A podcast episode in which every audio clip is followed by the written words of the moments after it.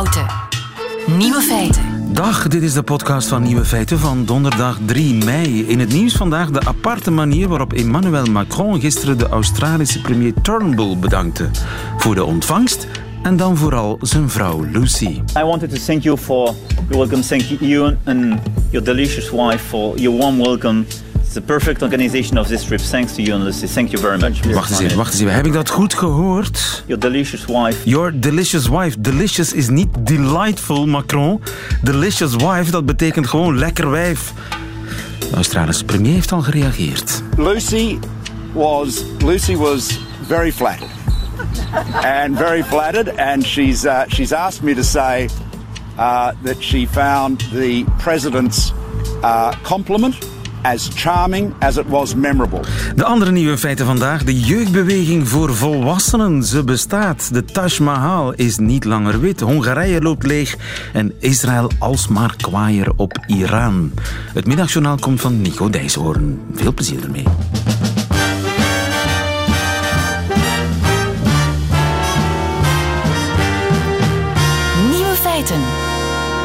Ja, komt er oorlog tussen Israël en Iran? Dat is een vraag die ons al sinds eh, zondag bezighoudt. Goedemiddag, Sander. Goedemiddag. Zeg Sander, Sander van Hoorn, je bent onze vaste ontdekker van België. Maar eh, natuurlijk, het Midden-Oosten hoef jij niet te ontdekken, want daar heb jij eh, jarenlang gewoond. Ja, Eh, zowel in Israël als in Syrië en vaak in Iran geweest. Dus je bent goed geplaatst. Eh, die luchtaanvallen van zondagavond op Syrische militaire basis, hoe zeker is het nu dat Israël daarachter zit? Nou ja, het feit dat Amerika er niet achter zit dan, eh, en Rusland niet, dan, dan kun je het wel ongeveer uittellen. En eh, Israël is er altijd heel ambigu in, maar indirect hebben ze er ook weer niet tegen gesproken. Dus men gaat er in elk geval vanuit dat Israël erachter zit. Maar zeker zul je het nooit weten. Ja, en dan had je dit weekend ook die spectaculaire hoogspokers persconferentie van Netanyahu. Wij hebben Ja. de dossiers. Iran werkt aan een kernbom. Ja. Wat, wat, waar is, ook wat zit iedereen er wel van overtuigd is dat hij eigenlijk helemaal niks nieuws heeft eh, gezegd. Eh, en en hè, Europa reageert dus ook ja, een beetje mopperend. Want wat hij eh, probeert te doen is natuurlijk de Amerikaanse publieke opinie en de politieke opinie, die, eh, namelijk van de Amerikaanse president, te beïnvloeden. Want uiteindelijk ja, is dat toch het meest belangrijke voor landen in het Midden-Oosten. Wat Europa vindt, ja, doet er wel toe, want ze geven geld. Maar wat Amerika vindt is natuurlijk altijd veel belangrijker. En is het doel dan om de Iran-deal, waarbij eh, de, wereld bij wijze van spreken afspreekt met Iran dat ze geen eh, kernwapenprogramma meer eh, hebben en dat in ruil daarvoor de economische sancties worden afgebouwd, die Iran-deal te laten springen? Is dat het doel? Netanyahu die wordt wakker met Iran in zijn hoofd. En hij gaat naar bed met Iran in zijn hoofd. Het is eigenlijk het enige wat telt voor het leiderschap op dit moment. en dat is al jaren zo in Israël. Omdat dat uiteindelijk de enige serieuze bedreiging is. Het conflict met de Palestijnen is, alhoewel dat natuurlijk eh, anders geldt voor de mensen in de omgeving van de Gazastrook, is eh, beheersbaar. De, uiteindelijk is dat de enige wezenlijke bedreiging, is de analyse van, eh, van de Israëli's. En dus is alles wat ze doen, bombarderen in Israël, of in, in Syrië of in Libanon, of het bespelen van de Amerikaanse politieke besluitvorming, alles is gericht op het dwarsbomen van de Iraanse agenda in de regio. Maar is En ja, Iran vandaag sterker, groter, beter eh, gewapend dan pakweg eh, een half jaar geleden? Zoals elk land eh, zijn wapens ontwikkelt, doet Iran eh, dat natuurlijk ook. Maar waar Israël vooral bang voor is, is dat Iran eh, in Syrië nu zich uitkristalliseert dat Assad in elk geval een grote delen van het land aan de macht blijft, zijn positie versterkt. En via Syrië ook weer Hezbollah aan de noordgrens van Israël in Libanon kan bewapenen. En dat is met name een doorn in het oog, omdat Hezbollah op dit moment gaat iedereen, en zeker ook de Isra- Israëli's vanuit, wapens heeft waarmee ze heel Israël kunnen bestrijken. Dus op het moment dat er weer een conflict komt met Hezbollah, dan zullen die Iraanse wapens tot diep in het hele land reiken. Ja, en dat is dus eh, onderdeel van die fysieke, eh, levensgevaarlijke bedreiging die Israël ziet in Iran. Ja, en vandaar dat Netanyahu moord en brand schreeuwt. Eh, mensen denken, ja, hier, Israël is uit op oorlog met Iran. Zouden ze dat werkelijk willen riskeren, denk je? Maar alleen op het moment dat ze die oorlog zeker kunnen winnen. En daar zit natuurlijk het addertje onder het gras. Omdat elke oorlog natuurlijk een onzekere factor heeft. En zeker tegen een land als uh, Iran, wat weliswaar ver weg ligt. Je vliegt er niet even met een bommenwerper naartoe. Je moet onderweg bijgetankt worden. Bovendien, Iran kan terugslaan. Dus er zitten allemaal ja, riskante factoren in. Uh, vandaar dat Israël uh, de afgelopen tien jaar, laten we zeggen, ervoor gekozen heeft om uh, Iran toch vooral te dwarsbomen. Door bijvoorbeeld die wapentransporten aan Hezbollah uh, uh, via Syrië aan te vallen. Door bijvoorbeeld Syrië te dwarsbomen.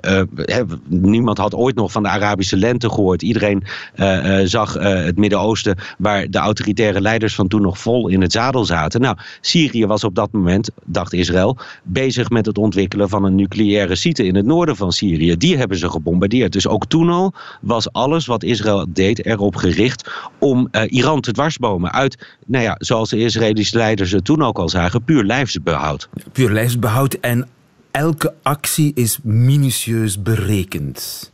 Nou ja, dat is in elk geval wat niet alleen Israël, maar ook Iran natuurlijk probeert. Want als je ervan uitgaat dat beide landen niets te winnen hebben met een totale oorlog, en dat is nog altijd mijn basisanalyse, dan moet je dus met alles wat je doet rekening houden met hoe de ander daarop zou moeten reageren. Dus dat is een schaakspel gecombineerd met de wetten van het schoolplein. Uh, jij hebt mij iets aangedaan, dus ik ga jou slaan. Dat weet jij. En ik doe dat op een manier die het voor jou mogelijk maakt om niet weer meteen terug te hoeven slaan en dan nog iets harder. Je wil uit die spiraal blijven terwijl je tegelijkertijd wel reageert. En dat is iets, een spel natuurlijk, wat zowel Israël als uh, Iran goed beheersen, kennelijk. Want de afgelopen tien jaar is er van alles gebeurd zonder dat het escaleerde. Maar het probleem is een beetje dat er in Syrië uh, natuurlijk enorm veel veranderd is. Er zijn meer spelers op de grond actief bijvoorbeeld. En dat maakt de kans op fouten bij dat schaakspel groter. Ja, en dat maakt misschien toch ook de kans op een echte oorlog tussen Iran en Israël ietsje kleiner. Want het korte antwoord op die vraag, komt er oorlog tussen Israël en Iran, is als ik jou zo hoor, nee. Nee, want ze willen het allebei niet. En ze zijn allebei bedreven in het lezen van elkaar. Maar die basisvijandschap die blijft. Dus die speldenprikken en die klappen over en weer... die zullen uitgedeeld blijven worden. En de kans dat daarin in die analyse fouten worden gemaakt... en dat partijen dus ondanks dat ze het niet willen... niet anders kunnen dan escaleren en blijven escaleren die kans is er ook. Dankjewel Sander en tot morgen. Begin maar al te blokken voor de vocabulariumtest, de gevreesde vocabulariumtest morgen. Dankjewel Sander van Horen. Goedemiddag. Radio 1. Quizvraagje. Welke kleur heeft de Taj Mahal in India? Nee, het is niet wit. Dag Aletta. Ja, goedemiddag. Aletta André, onze vrouw in India. Welke kleur heeft het Taj Mahal? Ja, dat, uh, dat schijnt dus tegenwoordig uh, zowel bruin als groen te zijn en niet wit. Maar het is een van de zeven wereldwonderen. Het is een ode aan de liefde, het meest romantische bouwwerk aller tijden. Dat hoort stralend ja. wit te zijn, toch? Ja, klopt. Nou ja, ik moet eerlijk zeggen, van veraf ziet het er ook nog best wel wit uit. Al helemaal als je een beetje een blauwe lucht hebt. Maar uh, hoe dichterbij je komt, hoe duidelijker het wordt dat het niet uh, supergoed onderhouden en schoon gehouden is. En uh, ja, daarom heeft het Hoge Rechtshof van India de overheid ook flink op zijn kop gegeven.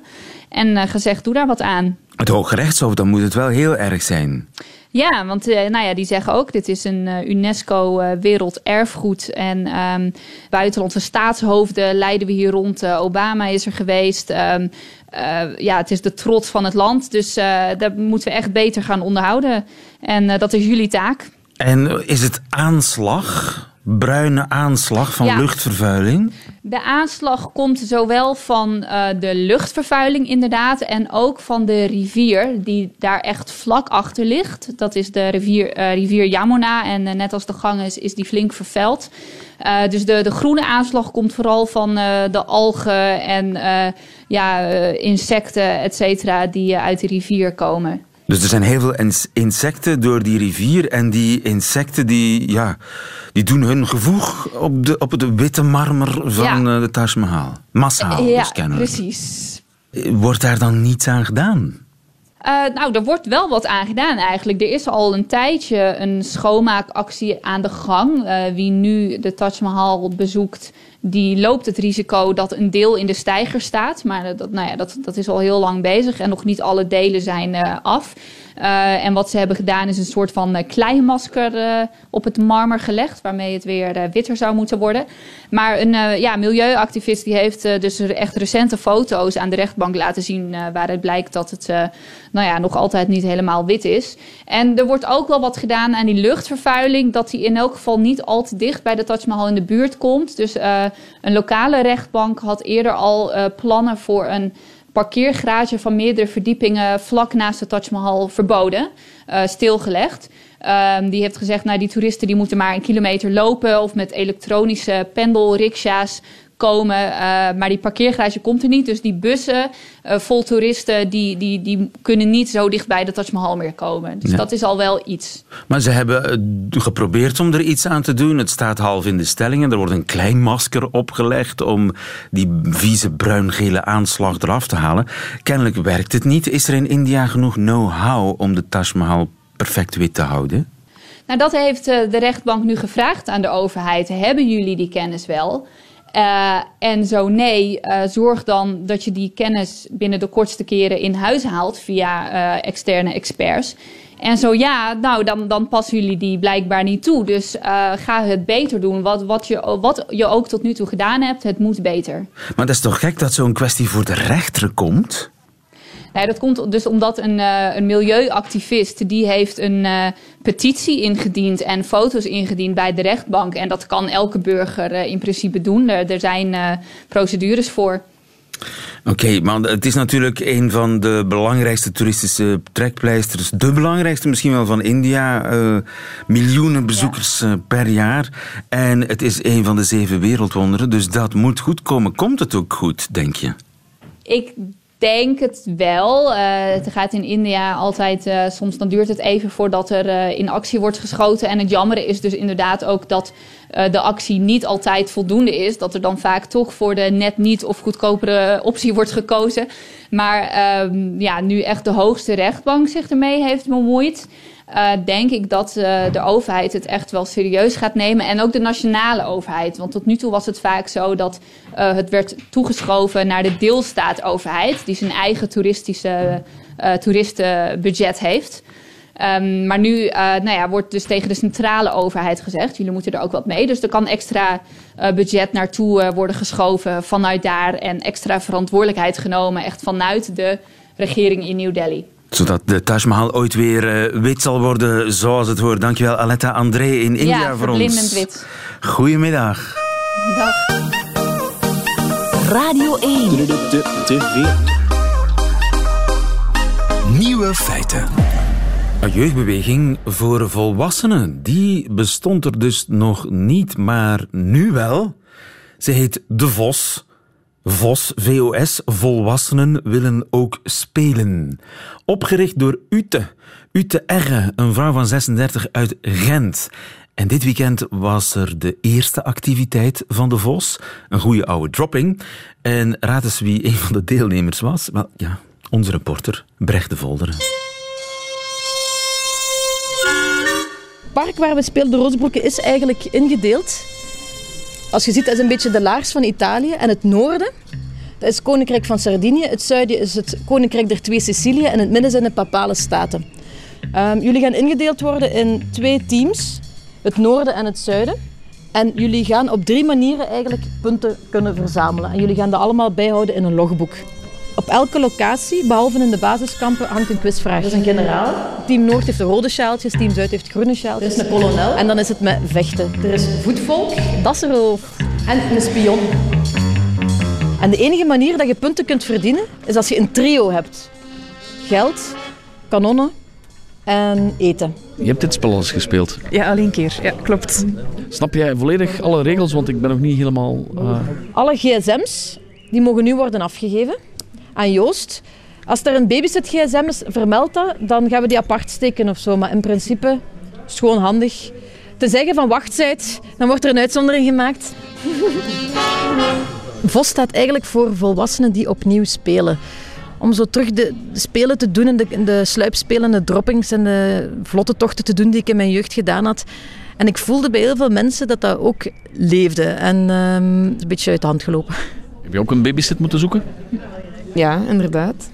Ja. Normaal is de jeugdbeweging de babysit natuurlijk. Ja, klopt. Ja, goed. En hoe, hoe leg je dat uit aan de kinderen? Wat gaat mama doen nu? Eh, ik heb eh, tegen mijn zoontje gezegd dat ik eh, in het eh, donker een spel ging spelen. En hij zei prompt, mag ik volgende keer mee? Ja, dat leek hem wel zeer interessant. Jullie zijn rood? Ja, wij zijn rood. Ja. Dat is geen groen, hè? Nee, nee, nee, de, de, de betere kleur rood. Hè. Ben jij persoonlijk dan iemand die tegen zijn verlies kan? Ehm, Minder en minder met ouder te worden misschien. ah, wel, het is dat. Nee, nee, het is, het is, eh, nee, nee absoluut. Het, het, ehm, eigenlijk niet. Niet zo goed, nee. Spelletjes doen er niet voor je plezier, hè. dat is voor te, voor te winnen. Dit is het kamp, ja. Dit is het kamp. Dat is de Ah, dat is een... Wat een tikzone. waar dat die kaartjes komen te hangen. Eh, die machtskaarten, dat de rest moet komen veroveren. Hebben we al een wacht? Ja, ja, we hebben een systeem uitbedacht. De, de, de clue was dat de mens in het kamp roept een getal. En de mens die in het kamp wil komen, ziet dat ofwel de som ofwel het verschil 20 is. Dus als ik 40 roep, dan roept het 20. 60. Of 60. Dat is goed, hè? Ja, oh ja. ja, ja, ja. Ehm, Mensen die kinderen hebben en het gevoel hebben dat ze eigenlijk die activiteiten voor hun kinderen moeten voorzien. Maar anderzijds merk ik ook dat het heel leuk is voor vrijgezellen om op een andere manier andere vrijgezellen te ontmoeten. Zonder dat ik dat letterlijk zo wil benoemen, blijkt dat ook wel een motivatie te zijn. In plaats van op café te hangen en ergens aan een hippe foodtruck te hangen, is het ook wel een, een heel leuke manier om heel snel, op een heel boeiende manier met iemand close in contact te geraken. Die is aan, die is aan. Binnengeraakt, maar niet tot aan de kaartjes. En wat gebeurt er als wij dood zijn? Moeten wij ons kaartje afgeven dan? Ja. Oh, oh, oh. Yes! Ja, ja, Perfect. Alsjeblieft, eh, kijk. eh, Het is goed. Het is graag gedaan, het is graag gedaan. eh. Moeten we... Ja, oké! Goed zo! Het is volledig gepland, dit kan juist. Nog een ook nog, hè? Ah, ja, ja, natuurlijk, maar krijg je maar veel plezier. Wij zijn volwassenen, hè? pas op. Hè. Voor mij persoonlijk mag het spannend, avontuurlijk en buiten zijn. Dus eh, er zijn heel veel parken in Gent die eigenlijk overdag heel goed benut worden, maar s'avonds of s'nachts totaal onbenut zijn. Terwijl het echt wel heel wilde parken zijn die heel goed kunnen benut worden. En dat is ook wel een reden dat ik denk, ah ja, dan moeten de volwassenen maar buiten komen en die maar benutten. En dat kan op veel manieren. Of de wateren van Gent, eh, een vlotte tocht. Je kan eigenlijk of een spionagedropping, eh, gewoon een kampvuur of een goede wandeling met een kampvuur of eens met een tent ergens overnachten in de buurt, een soort van microavontuur. Eigenlijk sta ik open voor heel veel. eh, maar je kunt je stad gewoon nog beter benutten.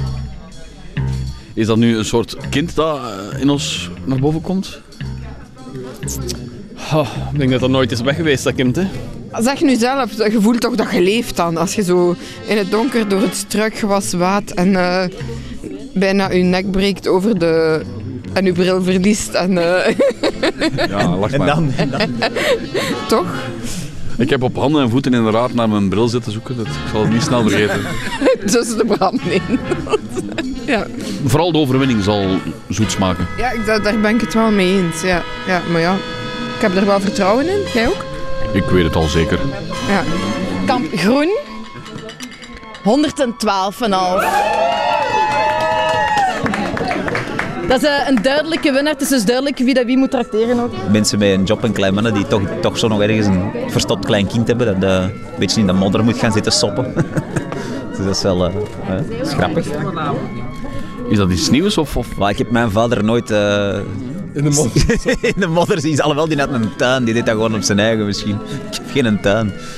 En tot welke leeftijd eh, wil jij nog door een bos lopen? Goh. Ja, tot dat, tot dat lopen niet meer gaat, ja, zeker. Met zo'n rollator door zo'n door zo'n bos scheuren moet ook wel iets geven. Hè. Zeker een elektrische in die modder. Hey, joh, ja, ja. Tikkertje wordt zo nakletsen met de stoom en zo. Ja, ideaal. Ja, met batterijen naar elkaar spacemakers smijten eigenlijk. Ja, de volwassenen van tegenwoordig. Nieuwe feiten. Er is iets aan de hand in Hongarije. Er is heel veel aan de hand in Hongarije, maar het land loopt ook leeg. Nog nooit waren er zoveel Hongaren die in vredestijd vertrekken. Stefan Bos, goedemiddag. Ja, hallo, goedemiddag. Hey, dag Stefan, jij zit in uh, Budapest. Wie wil er allemaal weg? Ja. Nou ja, het gaat eigenlijk uh, om uh, heel veel mensen. Uh, zeker ook jonge mensen. ook trouwens ouderen ook, maar vooral de jongeren. En als je kijkt naar de afgelopen jaren, dan blijkt nu dat er zo'n 600.000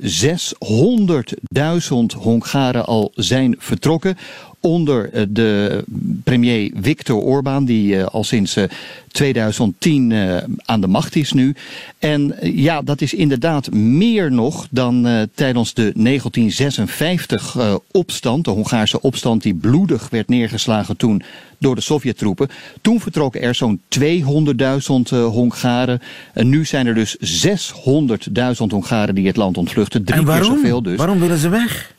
Nou ja, nou ja, ik denk dat ze een beetje genoeg hebben van uh, ja, toch die harde aanpak uh, van Orbán als je kijkt uh, ook naar, naar ja, zijn handel met de media en met andere voorheen onafhankelijke uh, instituten. En wat je ook wel hoort als je met jongeren spreekt, is dat wij uh, willen toch onze eigen weg gaan als het om families gaat. Kijk, hij zegt dat hij heel veel aan gezinnen wil doen. En dan belooft hij bijvoorbeeld ook geld zelfs. Maar dan moet je wel getrouwd zijn en je moet dan beloven bijvoorbeeld om minstens drie kinderen in, drie ja, in tien jaar te hebben. Nou ja, mensen zeggen ja, we vinden dat zo'n bemoeienis, zelfs met wat wij in onze slaapkamer bij wijze van spreken moeten doen. Wij willen een beetje af van dat uh, strenge conservatieve beleid. Dat is uh, wat je hoort onder de wat liberalere jongeren. En natuurlijk, en dat speelt een hele grote rol natuurlijk, is het feit dat ze meer geld kunnen verdienen in uh, landen zoals België, Nederland en vooral ook Groot-Brittannië en Duitsland waar ze veel naartoe gaan. Dus dat speelt natuurlijk een heel belangrijke rol ook bij die massale exodus van Hongaren op dit moment. Ja, maar dus het is niet alleen politiek, maar ook politiek.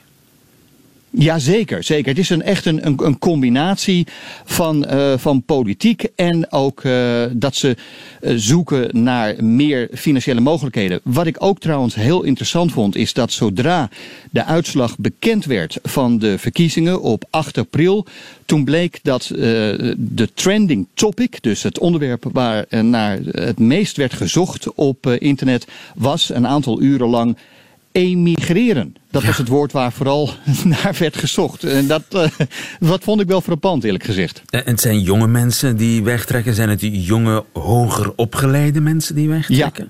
Ja. Ja, precies. Dat is een groot probleem. Het is zelfs uh, zo dat ook, ook ja, niet alleen de hoogopgeleide, maar ook bijvoorbeeld uh, ja, mensen die verstand hebben van, uh, ik noem maar wat, van loodgieten. Ik weet uit eigen ervaring hoe moeilijk het is tegenwoordig om aan een loodgieter te komen of om aan andere ja, mensen te komen die bijvoorbeeld iets weten van uh, renovatie van je huis of zo. Dat is niet echt eenvoudig, kan ik je vertellen, uit eigen ervaring. Uh, dus uh, ja, dat wordt ook steeds moeilijker. Die mensen zijn enorm gewild, ook in het Westen. Dus ja, die zien hun kans schoon om te vertrekken. En ja, ik denk ook wat, uh, wat meespeelt is uh, dat men ook, ja, toch ook bezorgd is over de toekomst in Hongarije. Ik denk ook dat dat een rol speelt bij die uh, exodus op dit moment. Ja, en is het stilaan een probleem voor Orbán? Want ja, als er sprake is van een soort van brain drain, dan, dan is dat toch niet goed voor de toekomst van het land? Nee, nee, zeker. En wat natuurlijk ook meespeelt is dat er zijn zelfs nu bedrijven, bijvoorbeeld McDonald's, ik noem maar wat. Ik weet zelfs dat die nu ehm, ja, uh, woonruimte aanbieden aan mensen om alsjeblieft bij hun te komen werken. En ik weet ook dat andere bedrijven, die hebben het heel moeilijk om aan uh, mensen te komen. Een rol daarbij uh, speelt natuurlijk ook dat heel veel um, actie is ondernomen door de regering tegen migranten. Migranten zijn niet welkom, vluchtelingen mogen er niet in. Ja, en dan krijg je toch dat er veel te weinig mensen er zijn voor bedrijven die, ik noem maar wat, in de verwerkende industrie werken. Of de dienstensector, zoals, ik noem maar wat, McDonald's, maar ook andere cafés, weet ik, hebben het gewoon moeilijk om aan voldoende mensen op dit moment te komen. En waar willen al die Hongaren naartoe en waar gaan ze naartoe? Nou, ze gaan onder andere naar uh, vooral Groot-Brittannië, zo blijkt. Uh, Duitsland, maar ook ja, naar, ongetwijfeld naar België, Nederland en Zweden. Dat is ook heel populair op dit moment onder de Hongaren. Ja, en wat zij willen is eigenlijk gewoon daar een, een, een nieuw leven beginnen. Kijk, en dan krijg je toch een probleem ook voor Orbán, want... Uh, een aantal jaren geleden was de bevolking nog uh, 10,5 miljoen ongeveer. Uh, nou, dat is nu nog minder dan 10 miljoen. En dat heeft onder andere dus te maken met deze enorme exodus. Maar ook bijvoorbeeld het feit dat er gewoon steeds meer baby's worden geboren. en dat ondanks het feit dat Orbán beweert dat op dit moment er niets aan de hand is in Hongarije. Dat de economie steeds beter gaat.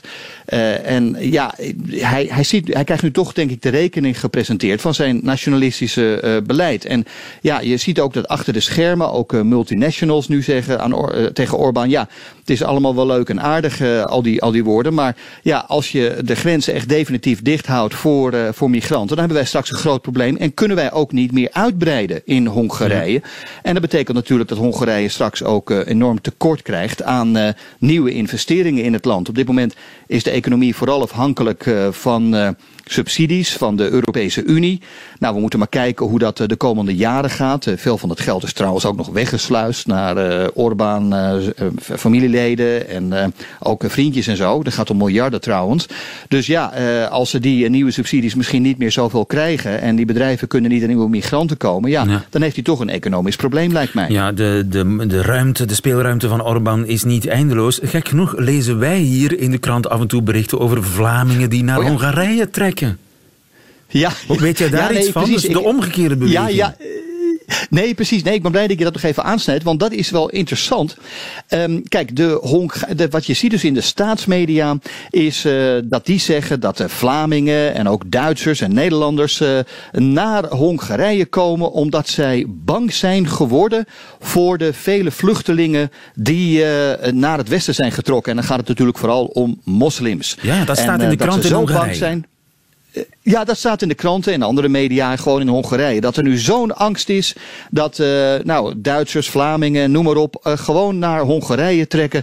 Om uh, ja, in feite de nieuwe vluchtelingen zijn die uit het westen nu naar Hongarije komen. Dus Hongarije vangt wel degelijk vluchtelingen op, zo beweren ze daar. Dat ze namelijk onze westerse broeders. Maar en, is dat ook ja, waar, dat ook bericht? Nou, nou, het is inderdaad wel zo dat sommige, sommige ik weet van sommige Nederlanders die vinden, die, die, die, die zeggen dat. Maar ik denk dat de belangrijkste reden waarom uh, Vlamingen en ook uh, Nederlanders naar Hongarije trekken, is uh, zeker als het om gepensioneerden gaat, dat je toch zeer riant kan leven van je pensioen in Hongarije nog. En dat je ook, zeker als je het vergelijkt met de Nederlandse en Belgische prijzen, heel goedkoop aan een boerderijtje kunt komen. Kunt komen hè. Denk daarbij nou 30, 40, 50.000 euro. Dan heb je toch al een hele aardige boerderij met een groot stuk land erbij. Ja. Dus dat is natuurlijk toch ook wel iets wat, uh, wat mensen aantrekt. Alleen, daar moet ik er wel bij zeggen, dan moet je wel een hele hoop renoveren. En dat wordt natuurlijk wel moeilijk als je geen Hongaren kan krijgen. Nee, dus dat is wel een Ja, beetje moeilijk. En zo bij het, uh, het hele systeem in zijn staart. Een schrale Ja. troost zal het zijn voor uh, Viktor Orbán. Dankjewel in Budapest voor ons. Stefan Bos, goedemiddag. Tot, tot je dienst. Nieuwe feiten. Waarmee we zijn aangekomen in Leiden, alwaar Nico Dijkshoorn zal voorlezen uit zijn middagjournaal. Nieuwe feiten. Middagjournaal. Beste luisteraars, ik ben al jaren verliefd op een fotoboek. Het gaat om het boek Hier woont mijn huis van Eddo Hartman. In het boek staan foto's van een huis. Iedere kamer is heel precies gefotografeerd. Op de foto's zien wij het huis waar de fotograaf ooit woonde met zijn vader en zijn moeder. En toen werd zijn vader geestesziek en vluchtte Eddo met zijn moeder het huis uit. Na 21 jaar, als zijn vader het huis is uitgezet, keert Eddo voor één keer terug in het ouderlijk huis en hij fotografeert in iedere kamer zijn verloren jeugd. Het zijn gruwelijke foto's van een ontspoord leven. Duizenden kranten, een verlaten bed op de muur vlak naast het bed zien wij een hele grote donkere plek waar de vader tegenaan hoestte. In de slaapkamer van zijn vader hangt een kindertekening, scheef op de muur geplakt, waarschijnlijk ooit gemaakt door Eddo Hartman, de fotograaf. Al die koude foto's van de verschillende kamers ontroeren mij diep. Ik kijk naar een kamer die tot kniehoogte is gevuld met papier, vuilniszakken en ik begrijp, hier zat de fotograaf ooit samen met zijn ouders te eten. Het is universeel waar ik naar kijk. Het achtergelaten huis, de ouders dood of ziek, en dan de zoon of de dochter die opeens midden in die doodstille, verlaten ruimte staat. We maken het allemaal mee of we gaan het meemaken. Ooit zijn wij die zoon of we zijn die dochter. En later worden we ooit die vader of moeder. In het verlaten huis van mijn ouders vond ik in de ijskast zes pantykousjes. Mijn moeder was blijkbaar heel bang dat ze zonder zou komen te zitten. In de boekenkast vond ik mijn eerste roman, gesigneerd. Niet gelezen, zo te zien. Ik zag de afstandsbediening op tafel liggen.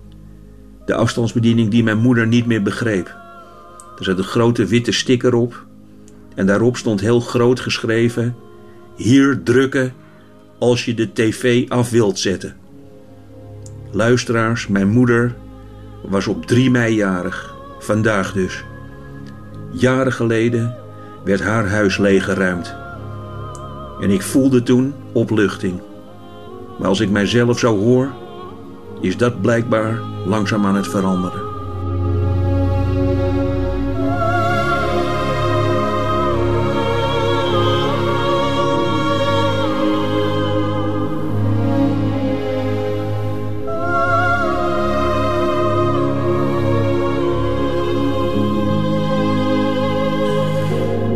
En dan het middagjournaal met Nico Dijkshoorn. Einde van deze podcast. U vindt er nog veel meer op radio1.be en op alle gebruikelijke podcastkanalen. Tot de volgende keer.